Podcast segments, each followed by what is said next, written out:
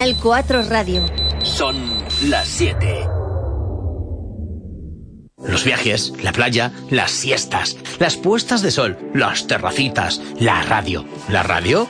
Sí, la radio. Ahora puedes hacer todo eso y mucho más en un clic. Descárgate la aplicación de Canal 4 en tu smartphone o tablet y disfruta de esos momentos con tu radio favorita. Canal 4 Radio. Siempre contigo. Somos tu voz. Gran Wok, el espacio perfecto para ti y los tuyos. Saborea nuestra infinidad de platos del mundo. Sushi, parrilla japonesa, wok, paella y mucho más. Además, los más peques de la casa se divertirán en nuestro parque infantil. Parking propio. Te esperamos en nuestros locales de Vía Sima, Polígono San Valentín y Manacor. Suba y disfrute de la nueva clase business de Air Europa. Sus asientos full flat totalmente abatibles, los menús creados por Martín Berasategui o el wifi a bordo convierten este vuelo en una experiencia única. Esperamos verle pronto, muy pronto. Air Europa. Cada detalle cuenta. En la Clínica Dentalab no somos una franquicia, somos una familia bajo la dirección de Chisco Rack y avalados por varios premios de reconocido prestigio nacional. Di que has escuchado este anuncio en Canal 4 y tendrás una limpieza bucal y una ortopantomografía totalmente gratuitas. El teléfono, el de toda la vida. 971 72 88 72. Porque en Dentalab no existe el dolor.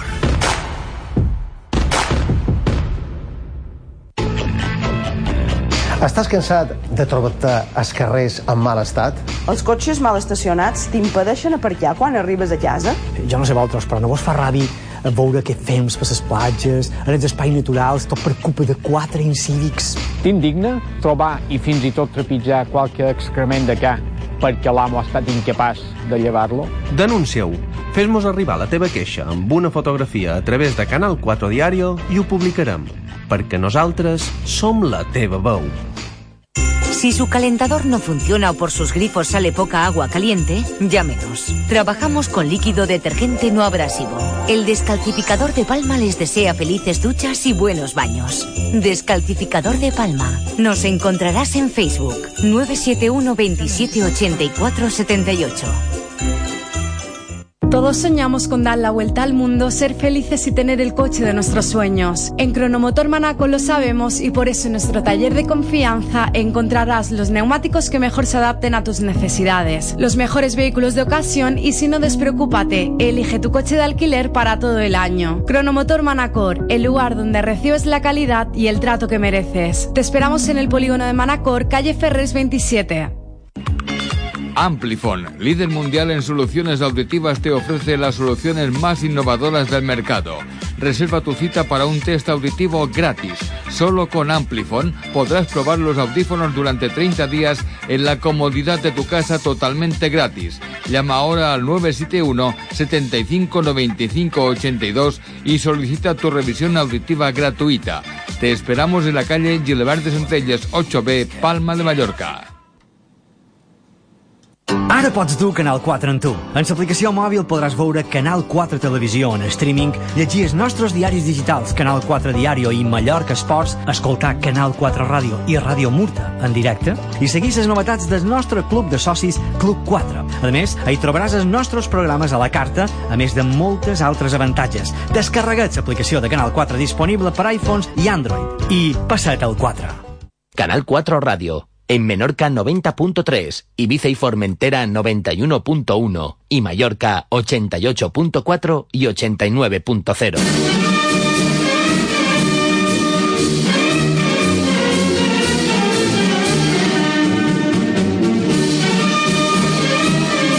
Quatre toros 4, el programa taurí de Canal 4 Ràdio.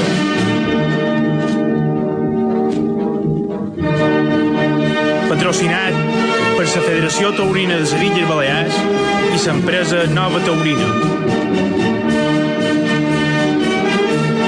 Començam!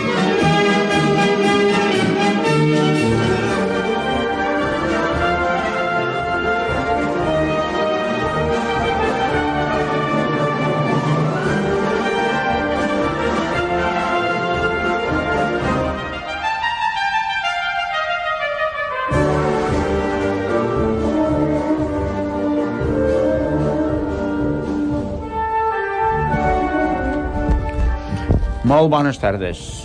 Una setmana més. Ja som en el mes de gener. I no podria ser d'altra manera. Havíem de començar amb la part doble d'en Pep Barceló Campanilla. Pep, avui el tenim amb nosaltres. Bones tardes. Bones tardes, Gabriel. També tenim en Raúl Arenas, també tenim en Julià Coll. Bones tardes a tots. Bones tardes. Buenas tardes.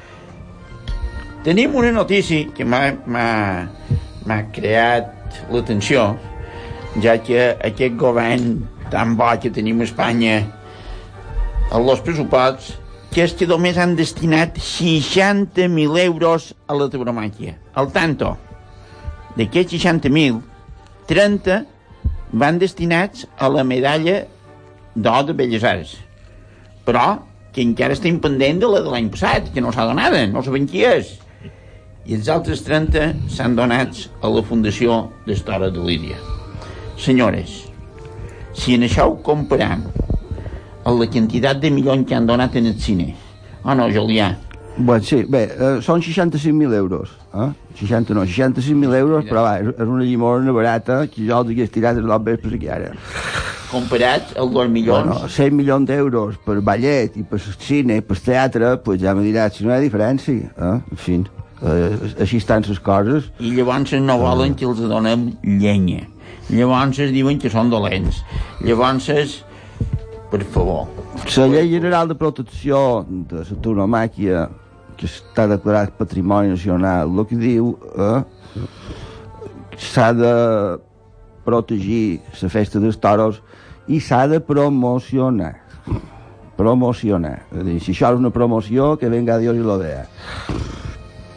Nada, lo mismo que, que Julián. Eh, en este país hay muchas artes que se les da importancia, como el séptimo arte, el cine, como eh, manifestaciones culturales de cualquier tipo, pero la tauromaquia parece ser está discriminada y en esta partida presupuestaria se puede... Te voy a dar un dato, aunque no sea estrictamente taurino, creo que con los vientos que corren vale la pena echar un poco de carnaza para ver si la gente espabila.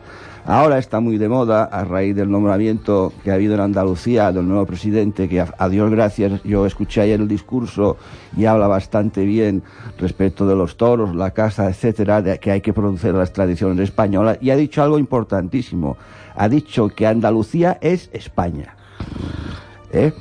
Y eso viene de la mano de Vox, que lo sepa la gente. ¿eh? El gobierno del PP ha construido un gobierno de la mano de Vox, que también dicen que son Andalucía y Andalucía es España. Esto para empezar. Después hay que derogar esa dichosa ley de violencia de género, que no es más que una plataforma llena de, de pesebristas eh, y de clientelistas. Hay nada más y nada menos en la comunidad de Andalucía 2.700 asociaciones, 2.700 asociaciones de feministas. Es decir, tres veces más que municipios hay en Andalucía. En Andalucía hay aproximadamente 720 municipios, pues salen a tres asociaciones de familia, perdón, de, de, de, de feministas por municipio. Que dir Bròquil, que Bròquil, ¿no? Vamos, por el amor de Dios. De cada cuatro euros del presupuesto andaluz, tres se van para esto. Claro, hay como 65, no sé, una, un- no lo tengo memorizado, pero una cantidad de billones, eh, pero, pero que fa, fa, fa benediró, eh, dedicadas a esto. Y ahora me viene el gobierno de mi país y me dice que para los toros solo nos van a dar 65.000 euros. 66. Esto es para que se les caiga la cara de vergüenza a todos, por el amor de Dios, por el amor de Dios. Una cantidad Que alguien diga y haga algo. Mestre Pep, què opineu? Bueno, la opinión es muy importante, pero os voy, os estoy escuchando. Lo que ha sido importante ha sido lo que ha dicho el último Coll, en el cual hay que cambiar las leyes en España y menos mal, como has dicho, que ha entrado ese partido de Vox en Andalucía. Imagínate, esto espero porque es hora, es hora de que cambiamos los gobiernos, porque si empezamos, tenemos que empezar ya por la cultura, de qué manera la están desmembrando la cultura española, y aquí entran los toros. Y ya no hablemos de la educación en las escuelas. ¿Por qué? Porque siempre han mandado en los colegios los, los de izquierdas y los republicanos, y ahí tenemos esta educación la más baja de Europa. Esto es la historia, la real, y es hora que cambiemos estas cosas. Y espero que poco a poco lo vamos a intentar, y se cambiará, porque España va a cambiar. No queda más remedio, sino se está desmembrando. Pero como hay españoles, muchos no se estamos despertando y no lo vamos a permitir, señores. Ole España. Así es. Los toros son arte, color, bravura, aunque conlleva demasiado sufrimiento para alcanzar un pequeño gran momento de alegría. Això és titular d'una entrevista que ha sortit a la revista Por supuesto, de pero- de. Pero la vida, las cosas bellas, estos pequeños momentos de alegría, ese amor que te da esa satisfacción a tú mismo y al respetable, pues tenemos que pensar que esta pequeña belleza pues lleva detrás, pues realmente que lleva pues un gran sufrimiento, un gran entrenamiento, cornadas y miedo. Y aquí, cuando vences estas cosas, pues vienen estos momentos bellos. Ni simplemente los toros, sino todo en la vida.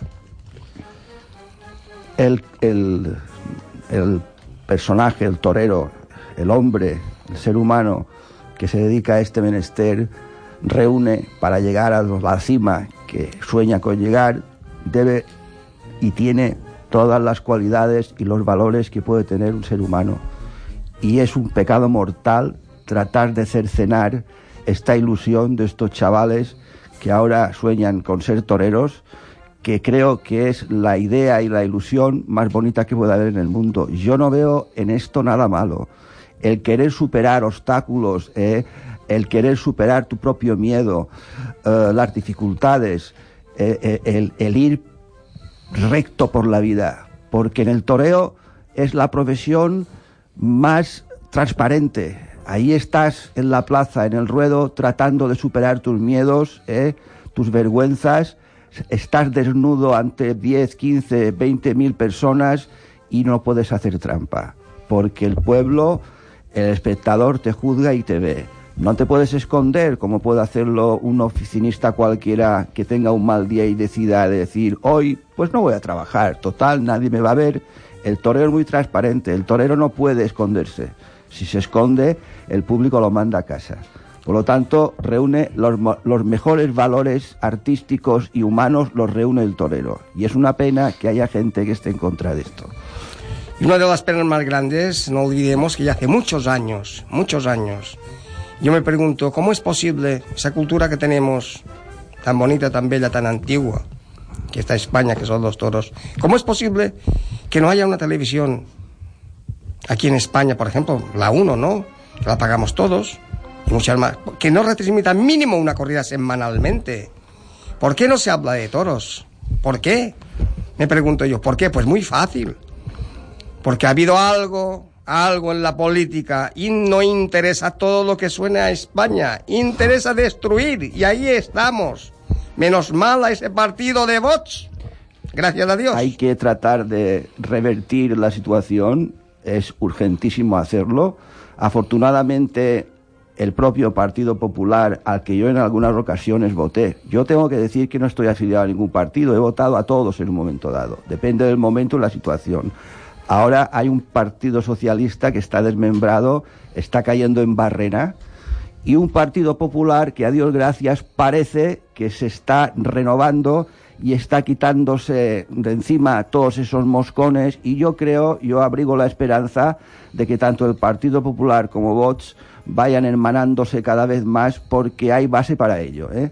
Es que se necesita para el bien de España. Y Ciudadanos debería, debería ir con cuidado porque últimamente corren vientos extraños. eh, se ve que alguna ventana del edificio se ha medio roto y está entrando un aire del norte de Francia, eh, algo masón, huele a masonería, eh, que el señor Rivera está peligrosamente cortejando a determinados vientos de aquellas tierras.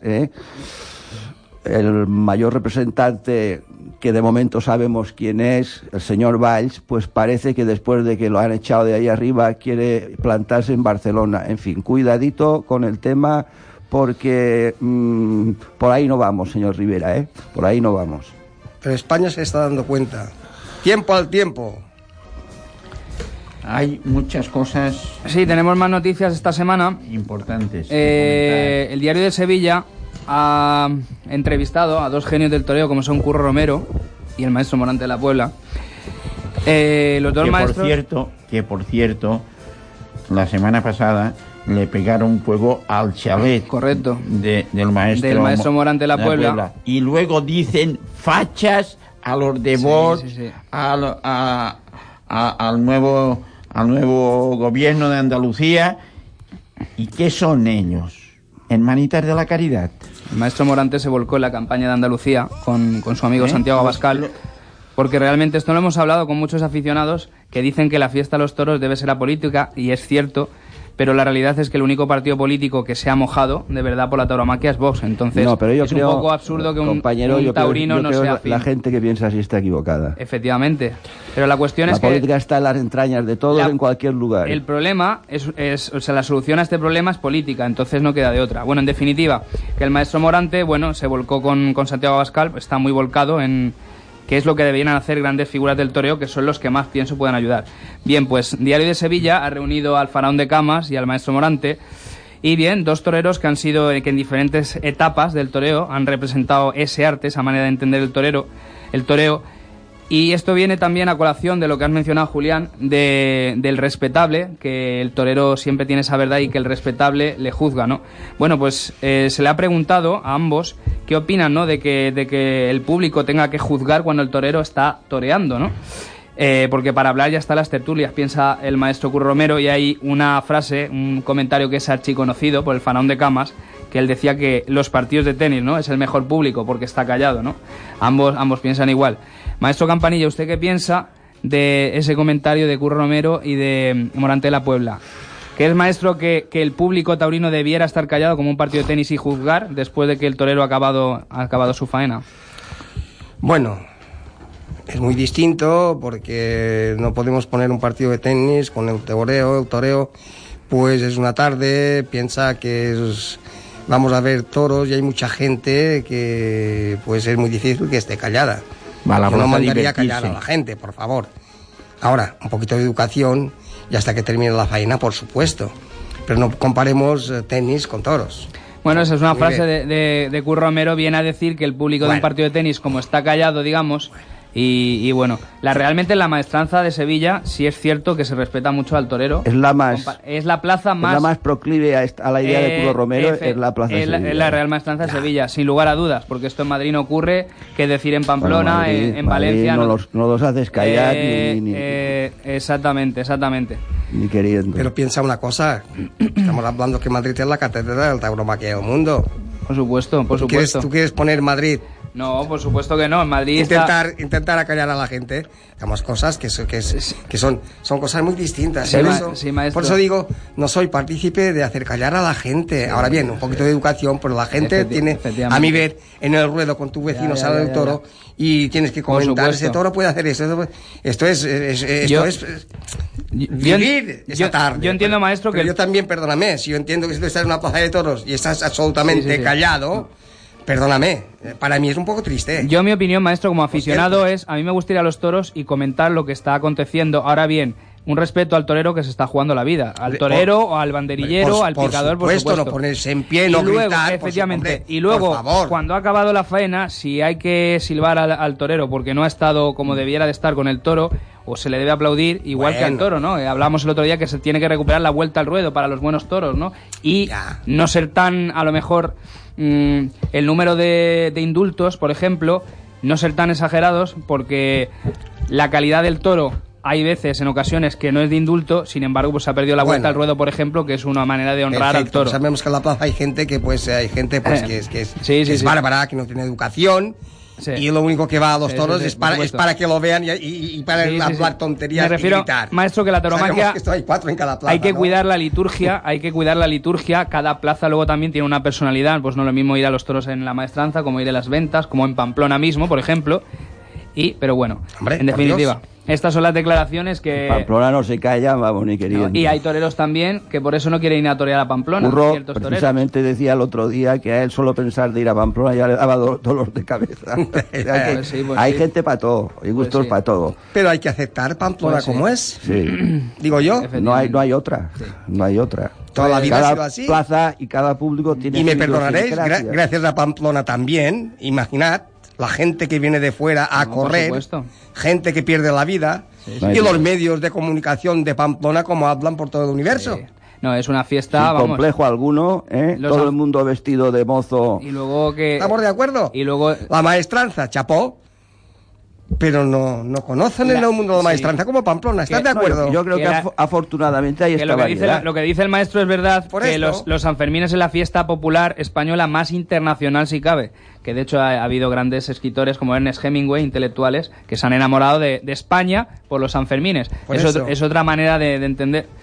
Pero bueno, y más noticias que tenemos, Julián, corridas de toros en América. Bueno, ha perdona- habido... per- perdóname, eh, Dime. Raúl, porque hablando de lo que hablas, Morante aprovechó la ocasión de que hablamos de este torero, eh, ya ha manifestado su intención de estar en Sevilla, pero, pero, siempre hay un pero, ¿eh?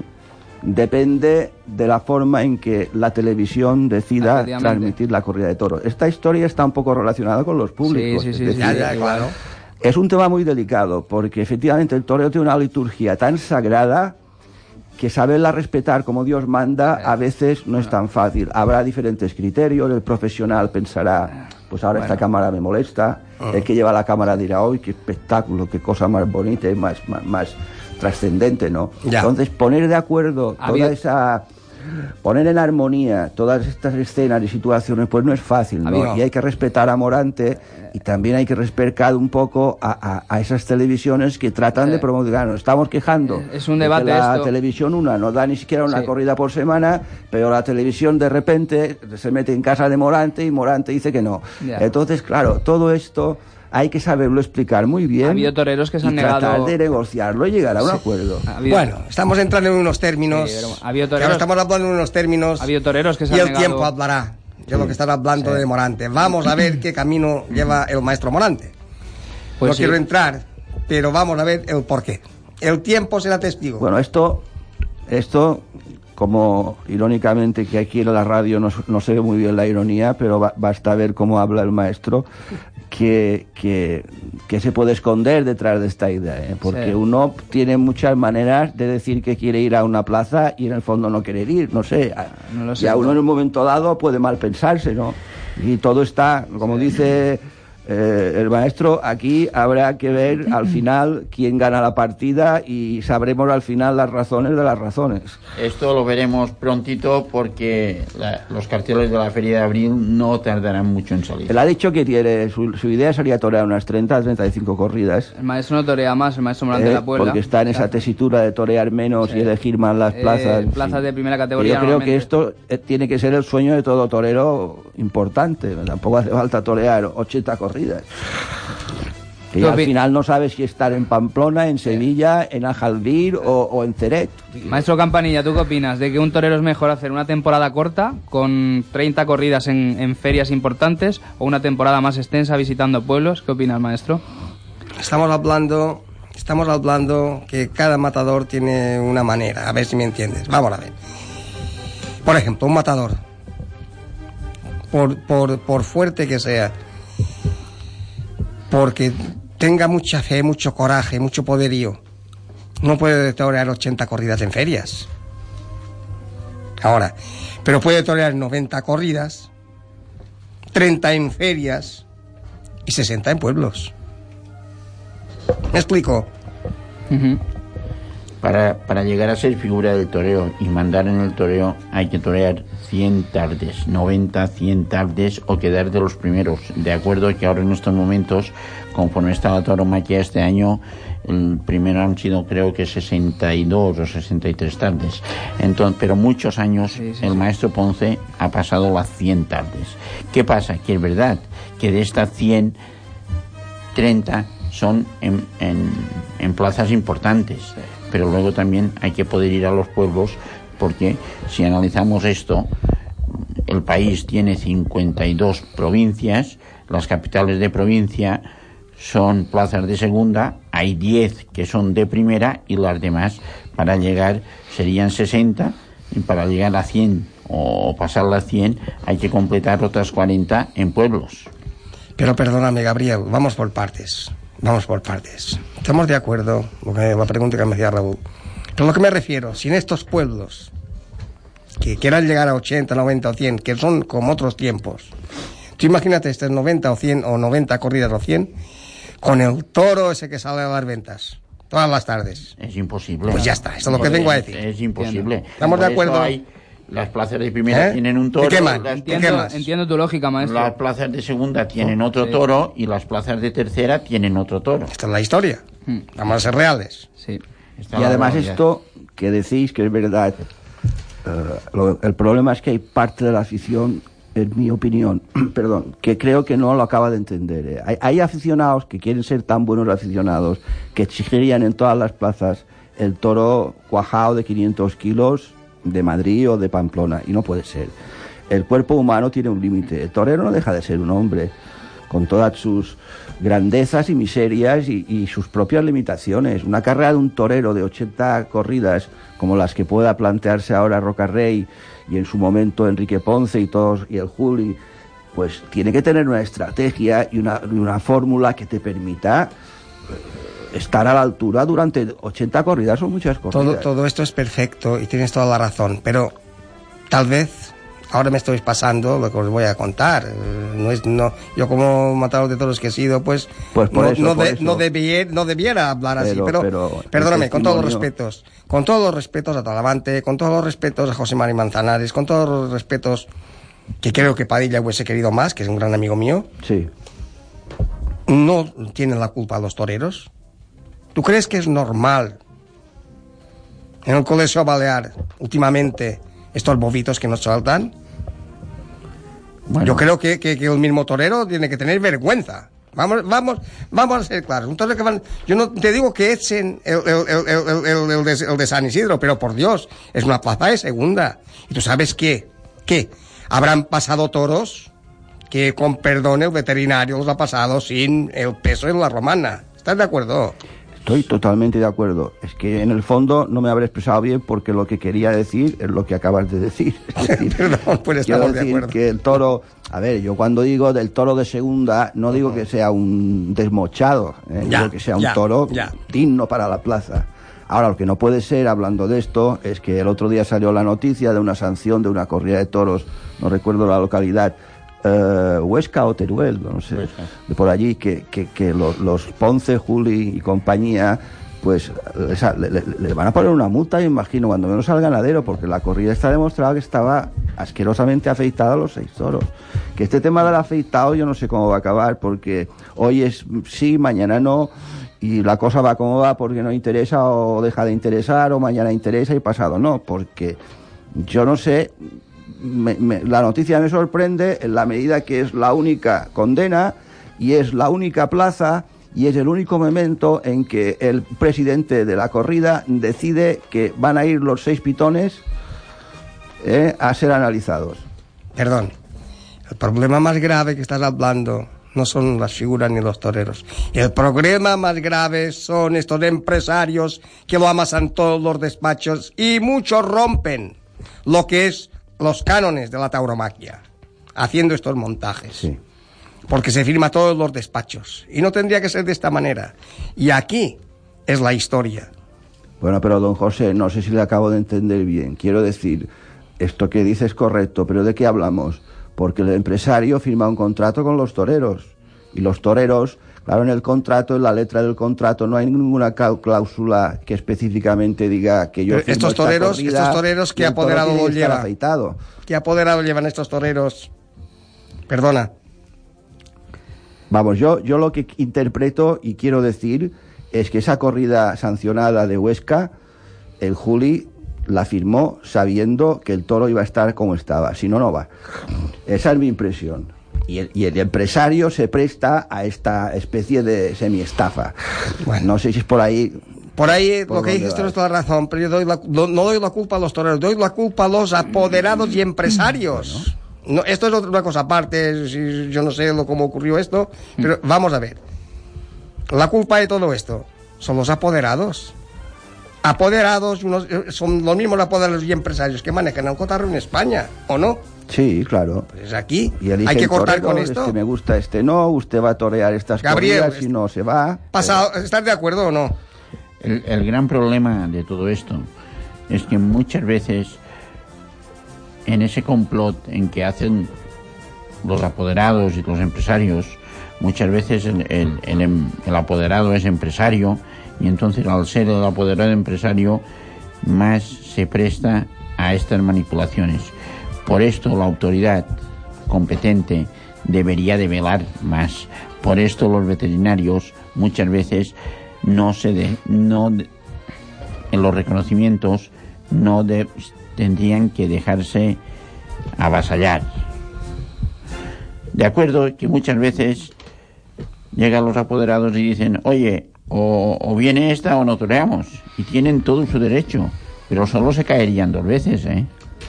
A la tercera se le echaría el público encima.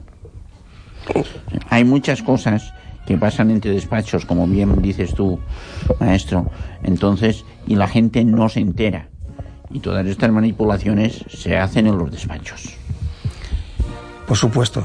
Y la historia que manejan y tienen comprado, todos estos son los grandes. Vamos a lo mismo. Sí, señor. Esto es lo que tendría que y tiene que arreglarse en parte también. Yo estoy de acuerdo que venga una corrida con toreros, matadores nobles o esto. No quiero un barrabás. Y esto el problema Pero tú te acuerdas, perdón, tú te acuerdas, por ejemplo, cuando yo- las primeras corridas que yo toré en Muro mismo.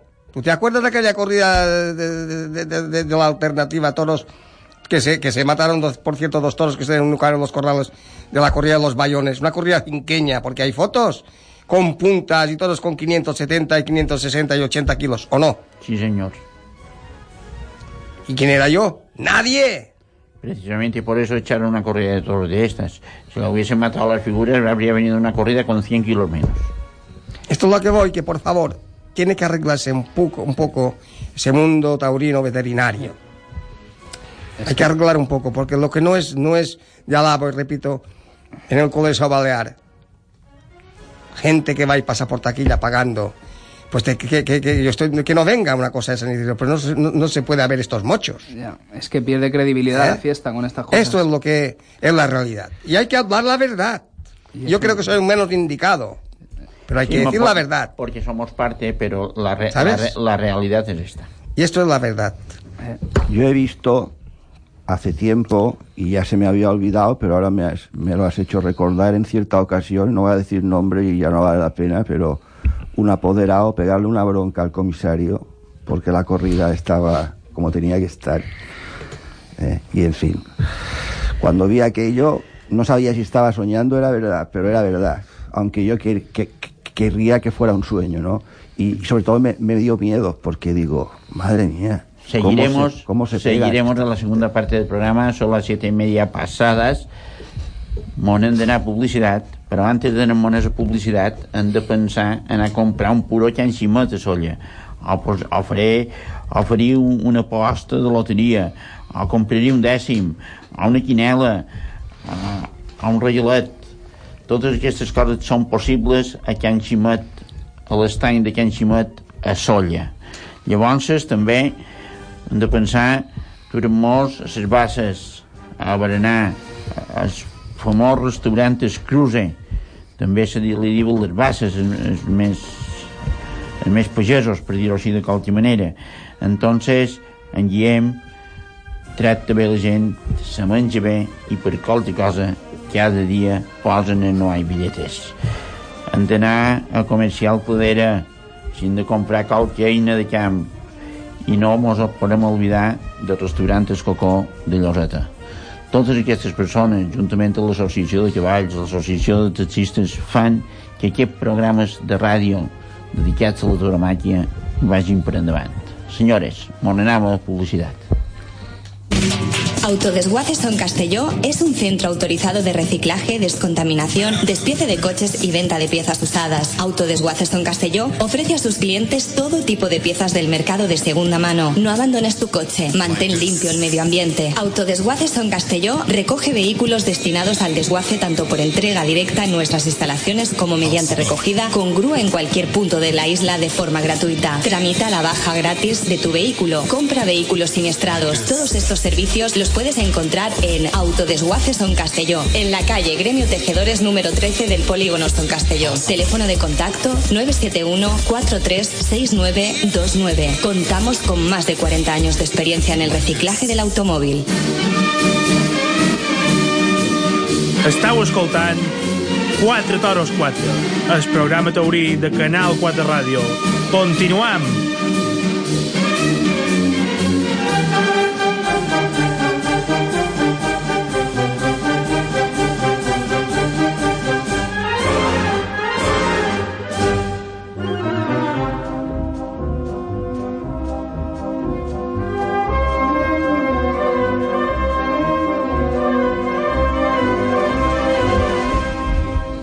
Amparito Roca, bon part doble. Ah, que no vos avorrits en aquesta primera part del programa? pues, així ho anirem fent, perquè no entrem a dins la monotonia. Però bueno, hi ha una sèrie de normes que són bàsiques. Què ha passat a Mèxic, Raúl? Pues ha habido toros en Ju- Juchipilá, Zacatecas, México. Joselito Adame, El Payo y Arturo Macías. Y han salido hombros. Toros de Santa Fe del Campo, el primero, el segundo y tercero, y de San Isidro el resto. Arturo Macías, que cortó dos orejas en el primero. Palmas en el segundo. Joselito Adame, dos orejas y palmas. Y Octavio García, El Payo, palmas y dos orejas en su segundo. O sea que... To- triple La fuerza terna grande. a hombros. La- Buena corrida de toros. Sí, señor. Tres buenos toreros, además. Tres toreros mexicanos. Sí, señor. Que la afición española los conocemos bastante en San Isidro. Más noticias de... Sí, bueno, y hemos mencionado antes por otros temas a Julián López el Juli. Y bueno, el maestro Julián, eh, la decimosegunda edición del trofeo de su fundación. Julián sigue apostando por la cantera y por el futuro de la fiesta. Y bueno, su fundación que ha hecho hasta programas televisivos, recuerdo. En fin, ha convocado un nuevo trofeo de la Escuela Taurina que lleva su nombre con la participación de los alumnos más destacados del centro madrileño. El certamen, que cumple ya su decimosegunda edición, como digo, se celebrará el 16 de febrero en la finca Feligrés de Arganda del Rey, en Madrid. Sí, señor. Así mismo. En la carretera de la Velilla de San Antonio. Sí, y otro torero madrileño, como es Julio Aparicio, padrino de la sexta edición de la Fragua. El diestro madrileño será el padrino de este certamen de la Fragua, organizado por el matador de toros francés Juan Leal, y que este año llega a su sexta edición. Aparicio, recordemos, tomó la alternativa en 1989, fue un torero de mucha personalidad en su generación, un torero que bueno ya en los últimos años tuvo una, una segunda etapa de su carrera, con alguna, alguna corrida importante en San Isidro y demás. Pues bien, ha sido padrino de este certamen, que para la audiencia diremos que es en la Plaza de Toros, un nombre complicado en francés, Pontot-sur-Lador, un pueblo del sur de Francia, no sé si lo conocerá Ah, sí. Gabriel o no.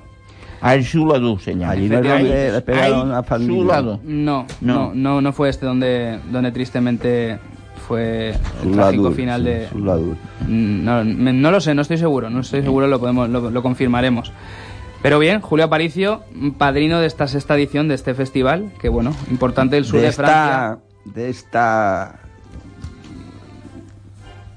del certamen del Juli, efectivamente podemos rematar la noticia diciendo que tiene 30 alumnos, de más de 30 alumnos. Así es. Y precisamente no es en balde esta, digamos, Fundación. fundación, porque Francisco de Manuel, Alfonso Ortiz y Adrián Salén son tres toreros punteros novilleros de la temporada anterior que han salido de esta escuela. Sí. O sea que está dando sus frutos. Sí, ¿eh? es importante y de hecho hicieron un programa en televisión, Canal Plus Toros. Y esto que la señora Carmena se ha querido quitar la escuela marcial La Danda del, del- Esta escuela la llevan José María Plaza, no sé si os acordáis, un Sí, torero señor. que tuvo una cornada en la pierna muy fuerte.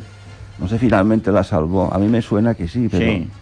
Un tal Ah, eh, Molina. Ángel- Gómez Escorial y Antonio Molina. y Antonio Molina. Estos son los Y hablando de piernas, el Soro Sí. está a punto de entrar otra vez en quirófanos previa revisión previa, parece que el virus que tiene, están intentando localizar qué clase de virus es, Ujú. que es el que le está matando la, la, la, Sí, bueno, la dichosa el maestro pierna, ¿eh? Campanilla aquí presente es íntimo amigo de Vicente Él sabrá, Soro. Nos- José nos, podrá Barceló anticipar sabrá más de esto el estado nadie. del maestro de Valencia. Estamos esperando pues mejores noticias, pero realmente pues pasa por un trance Difícil y complicado. muy mal, difícil y y bueno, los médicos están esperando con fe, pero de momento vamos a esperar y tocaremos madera. Otro, otro de los toreros que también ha tenido que retirarse es Guillermo Barbero, el tercero de del- de José mm, de Pereira. Ah, Miguel Ángel Pereira. De, de Miguel Ángel Pereira, el torero de Correcto, Salamanca, correcto. debido a una enfermedad ha tenido que dejar también la profesión. Y bueno, ya están los carteles de la que es la primera feria Fe- del año en España. Sí, señor. A Jalvier, correcto, A volverá un año más a convertirse en la primera feria del año. La localidad madrileña tiene ya cerradas las combinaciones de unos carteles que serán presentados mañana precisamente y que constarán de una novillada sin picadores y dos corridas de toros. Se lidiará el sábado, el día sábado, la, la primera de ellas, con Sánchez Vara, Salvador Cortés, junto con el madrileño Fernando Adrián. Y el día siguiente, domingo, toros de Gómez del Pilar, Lama de Góngora y Miguel Ángel Pacheco. Esta será la novillada. Pero bueno, diremos los días exactos a la audiencia. Son viernes 25 de enero, Álvaro Burdiel, Guillermo García y Daniel Pérez. Y el sábado 26, la mencionada de Sánchez Vara, Cortés y Fernando. O sea que... La corrida de Jodar y Ruchena, ¿no? Sí, la primera feria del año antes de Valdemorillo, que es la Sí, siguiente. señor. ¿Y la segunda corrida de? La segunda corrida de Gómez del Pilar, Lama de Góngora y Miguel Ángel Pacheco. Toros del Marqués de Quintanar. Marqués de Quintanar, correcto. ¿eh? correcto, así es, así es. Una cosa, antes de la- lo que hablabais antes, hay que recordar, afortunadamente, del infarto de Rafael de la Viña, que está mejorando. ¿eh? Lleva una Así semana y ya está, ha salido de peligro así es. y hay que celebrarlo. Enhorabuena. Otra de las cosas importantes es que en, en el Palacio de Vistalegre, Así el es. día de- del desafío de ganaderías entre el CIT y Emilio de Justo, Mano a mano. mano a mano, se puede completar el día visitando distintas ganaderías de Madrid. Por ejemplo, Flor de Jara, eh, lo de los Quintas, lo de María Antonia La Serna, lo de Aurelio Hernando, lo de San Isidro, lo de los Eulogios, lo de Bella Lucía, en, en Puentidueña del Tajo, la finca de Feligrés, de la Fundación El Juli, que estábamos hablando hace un rato, eh, Cantinuevo, la- mm, esta finca está en la provincia de Guadalajara, en, la- en el pueblo de Fuente Lencina, tiene una plaza de toros cubierta preciosa. O sea, aparte de, de- de ir a los toros a Madrid, se puede hacer un día de campo, que todas estas cosas nos acercan más a la tauromaquia. Esa corrida, yo creo, aparte obviamente a Jalvir y Valdemorillo son antes de la de Vista Alegre, pero ese mano a mano es el más esperado por la afición. La primera cita taurina importante del año en España. Buen aperitivo de temporada. Señor, sí, buen señor. aperitivo. Sí, señor. Maestro, buen cartel o no. Mano a mano. Manuel Jesús El Cid, Emilio de Justo, toros de Parladé, de la Quinta. problema es Plaza que de toros de Vista que- Alegre, maestro.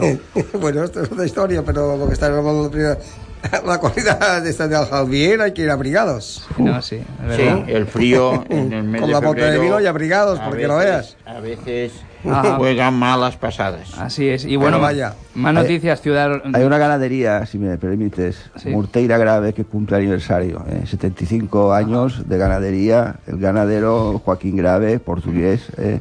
que ha lidiado 136 toros en Madrid.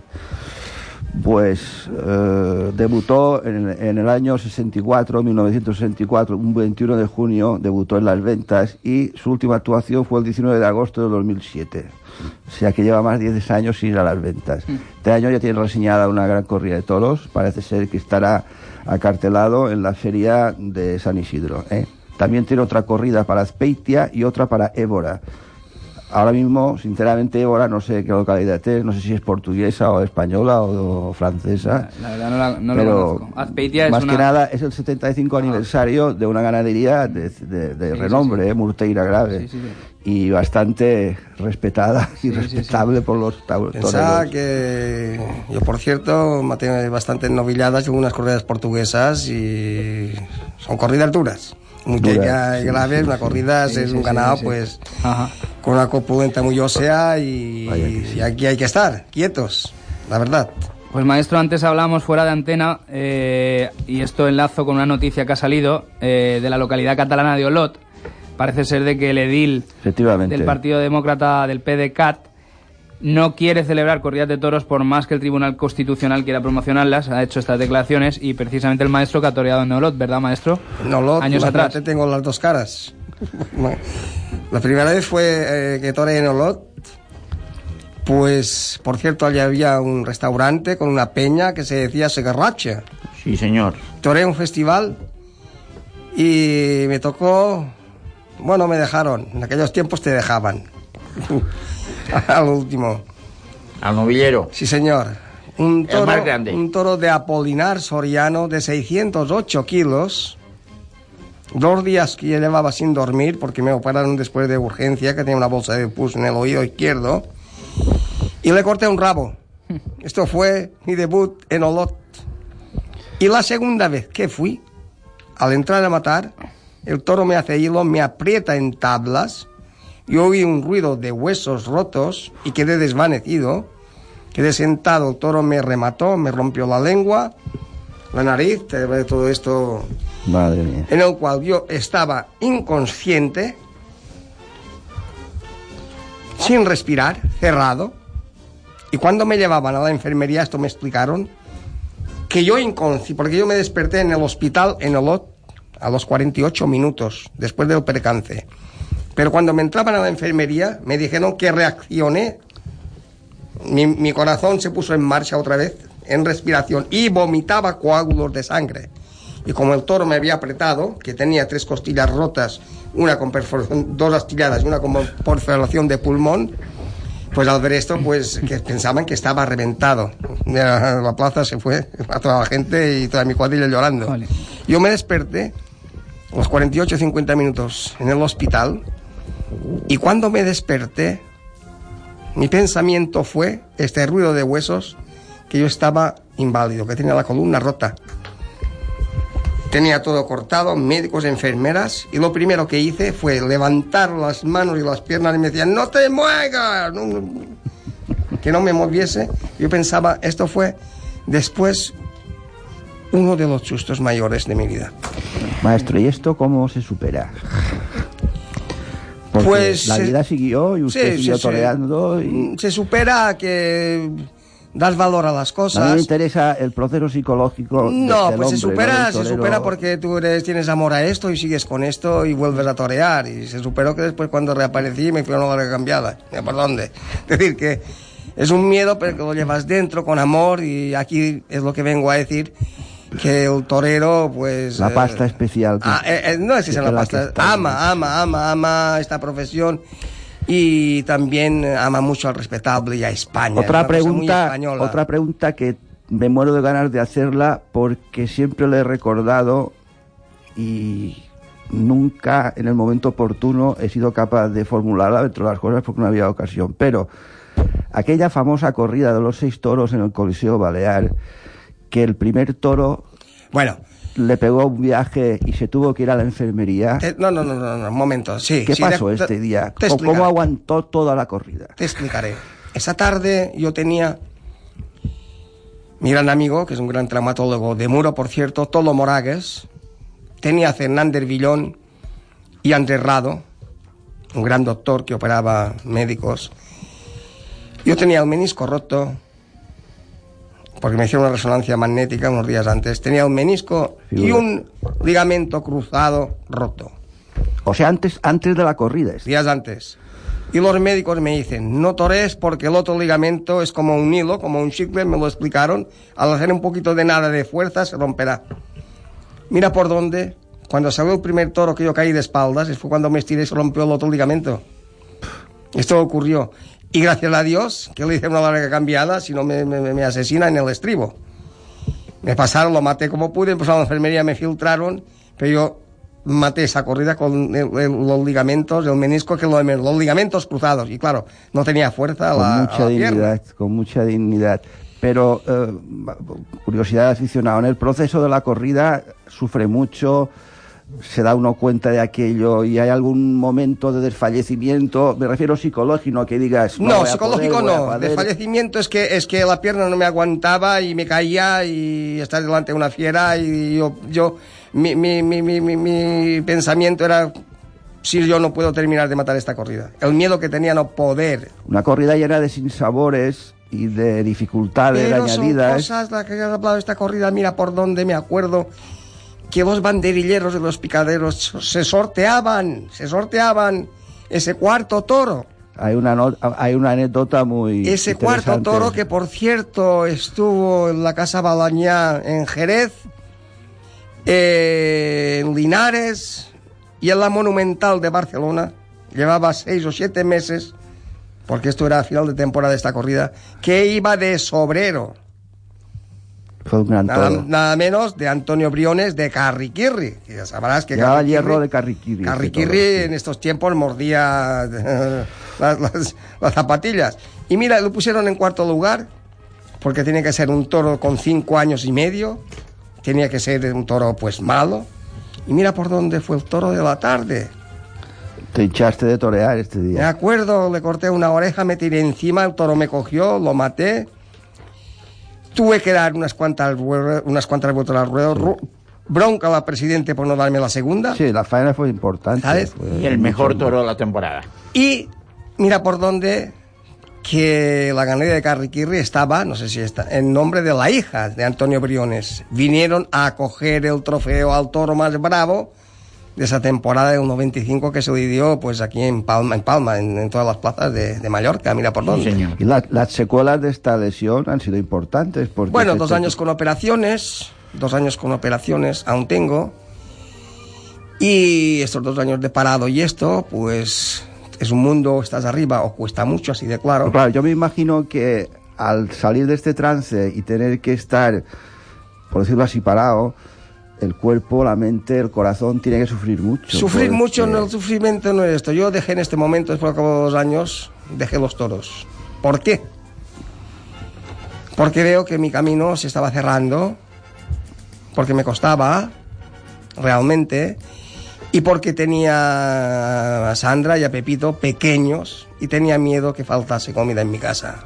Esto es la pura realidad, Ni más ni menos, esto claro. es la verdad. Pero vaya. Bueno, me, pero ahí. me alegra ver que el torero, que sueña mucho, también es realista, que es un hombre que piensa con los pies, con la cabeza encima de Y los pies y en fin. Yo pienso una cosa. Nada más humano que este relato que hemos oído. ¿Por qué no? Yo pienso que si vas siempre por la verdad eh, por delante, nunca te equivocarás. Y nunca dirás mentiras ni sales, no tienes que... Porque la verdad solo es una. Mi orgullo es ir por la verdad por delante. Y Yo quiero romper una lanza en favor de una más, sobre todo a esta historia que nos estamos escuchando, porque esto, ya sé que algún oyente me dirá, este tío está loco, pero me da igual. Esto debería ser objeto de que acudir de vez en cuando con esta idea y ese discurso a los colegios, a los institutos, para que los chavales escuchasen Bueno, cómo un hombre se abre camino Estás hablando ante las dificultades. Estás hablando de una cosa, un tema. no creo que, yo- esto ha de ser buenísimo para que los chavales no quiero contarlo, escuchen pero ese tiene- tipo de cosas. Tienes toda la razón y espero con estos cambios de gobierno que empiecen a retransmitir como mínimo una corrida semanalmente, que los periódicos hablen de toros. Creo que sería importantísimo. Mira por dónde voy incluso. Creo que hay muchos antitaurinos y mucha gente que no ama los toros. Pero si esta gente pudiese ver esa vaca o vaquilla madre Claro. de este toro futuro, cómo se hace, qué tiempo, cuándo queda empreñada, cuándo sale ese toro, cuándo va a la plaza. Esta morfología que estamos hablando de esta vaquilla de 7 u 8 años para ver ese toro, si es que no se mata en el campo con otro, si pudiese ver esta morfología, Sí. cómo vive este animal, cómo lo miman, cómo lo cuidan, cómo protege a otros animales e insectos, porque este animal está libre allí. Si la gente viese todo esto, seguramente habría un porcentaje, 80 o 90% de antitaurinos, que amarían el toro bravo. Y lo hacen, yo creo, por incultura de lo que es el toro bravo. Y ven, o les venden la moto de otra manera. Esto es la pura realidad a mi ver. Y creo que sería importantísimo unas charlas y por lo menos dar, porque yo creo que esta es una educación. Claro que sí, por eso digo. Faltan que- valores. Y eso, que, y más. esto que dice Julián, ¿sabes qué Y es pienso yo? necesario, es necesario, Julián, estoy Ah. totalmente contigo, la Al- verdad. Al, torero antes se le veía como el héroe, el héroe popular. Y es eso precisamente, ¿no? Es por eso eso que tú piensas, que tú le has dicho al maestro de que son de otra pasta los toreros Sí, claro. y de que le admiras por todas esas cosas porque tú te criaste en una infancia donde tenías esos valores taurinos, mamaste esos valores taurinos porque había una afición y había una educación taurina y el torero era el héroe popular, ¿no? Y, y la gente admiraba lo que hacía el héroe, la- la- las gestas de, de la- y la gallardía de- del matador de toros. Y hoy en día, pues esa incultura No, hace que, que se burlen de un torero y no saben lo, Es lo el que es un discurso que hemos escuchado, el relato, tiene mucho de humano también. ¿eh? O En la no- no, no tauromaquia- solo está el soñar, está la pura realidad, el sufrimiento, el, el sobreponerse a una lesión, el acudir lesionado a la plaza, encima de las dificultades que tiene el querer ser torero, el, el- el, eh, el entorno que te trata de, de, Dicen de que- tumbar, una tarde de de toros ayudarte. es y- comparable a la vida, ¿no? o sea, Todo puede esto- suceder en una tarde de toros. Es un ejemplo que, en fin, es de lo más didáctico y de lo más ético y, vamos, casi obligatorio, vaya. Es un ejemplo Esa real. es mi forma de ver, ¿eh? Y es, es, lo que llevas dentro y, tú amas eso y amas ese público. En resumen, es una cultura, es una cultura en el cual embriaga a un conjunto que te da estos pequeños momentos felices a tu alma. Y esto es la vida. Enhorabuena a Saja, enhorabuena a la entrevista tan buena, que por cierto Asaja ha protestado contra la ley de la nueva ley agraria que ha promovido el gobierno que tenemos ahora, destruyendo la antigua de Compañ, porque creo que no saben ni por dónde van, creo que no saben ni por dónde van. Y luego hay otra cosa que me ha llamado a mí mucho la atención hoy, es que el diario de Mallorca haga caso a las protestas de Pamma metiéndose con el Tribunal Constitucional, señores. Es de vergüenza que una asociación que nos ha querido colar una ley de toros a la balear infumable, una ley que hacía imposible celebrar corridas de toros y que ahora protesten la sentencia del Tribunal Constitucional. El artículo de hoy en el diario de Mallorca de Pamma es vergonzante, señores. ¿Hay o no hay justicia en este país? La tenemos que acatar todos. Que se creían salirse con la suya, los avisamos en un principio. Dijeron que no. Todo esto lo tenemos que agradecer a ese pacto de progreso, a estos grandes errores que han cometido. Y ahora, por si fuera poco, con la puntilla, con la puntilla, los presupuestos. Los, los presupuestos han dado la puntilla a la tauromaquia y han dado la puntilla a la comunidad autónoma de las Islas Baleares, siendo una de las que menos ha recibido. Y ahora la señora Armengol no tiene excusas, porque cuando mandaba Rajoy, cuando estaba el PP, cuando estaba a la derecha, decía que para Baleares no daban nada. Pero es que ahora que han mandado a los suyos, han dado menos. Señores, vergonzante. No es raro si ha salido Vox en defensa de las libertades de España y luego los tratan de fachas. No es raro si Vox ha espabilado a la derecha. Es que la, la derecha se tiene que espabilar porque como sigamos así, acabaremos mal. Señores, falta un minuto y medio. Hoy ha sido un programa diferente. Tenía que hacer estas estos lances, por decirlo, estas etiquetas, porque son cosas que van pasando. Enhorabuena, la semana pasada también a la Escuela de Tauromaquia por esa tarde que pasamos, la tarde del, del sábado, Sábado, sábado por la tarde. en, en el parque de Sarriera. Se vio afición, se vio gente que se paró en, en, en aquel rincón que tiene forma de anfiteatro, sentados mi- viendo entrenar a los chavales.